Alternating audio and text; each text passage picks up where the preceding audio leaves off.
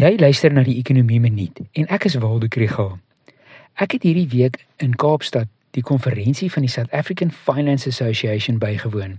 So die minuut kan ongelukkig nie so nuusgebonde wees soos gewoonlik nie.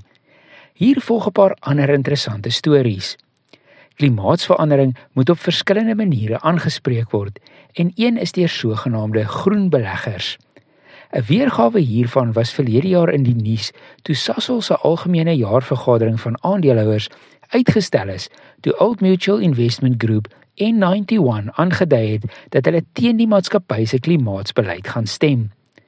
'n Volgende vlak hiervan sal wees wanneer beleggers, byvoorbeeld ons almal se pensioenfonde, nie meer wil belê in maatskappye wat baie koolstof vrystel nie. Dit kan dan die maatskappye dwing om hulle voetspoor te verklein om weer toegang tot kapitaal te verkry. Die interessante vraag wat 'n referaat by die SAFA konferensie vra, is wat sal die impak wees op die bestuur van die portefeuilles? Gaan dit diversifikasiegeleenthede verminder en gaan dit die opbrengs raak?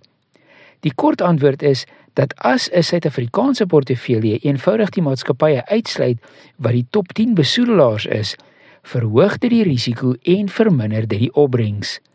'n Optimeringsbenadering wat steeds die besoedelaars insluit, maar as 'n kleiner deel van die portefeulje, het nie so groot impak op die opbrengs of die risiko nie. Maar dit vaar steeds slegter as 'n vergelykbare portefeulje sonder beperkings rondom koolstofvrystelling. Om die Engelse uitdrukking te gebruik, there's no such thing as a free lunch. Ons moet maar net besluit hoe belangrik die omgewing vir ons is. Die NWI Sakeskool is die hoofborg van die ekonomie minuut. Bly ingeskakel.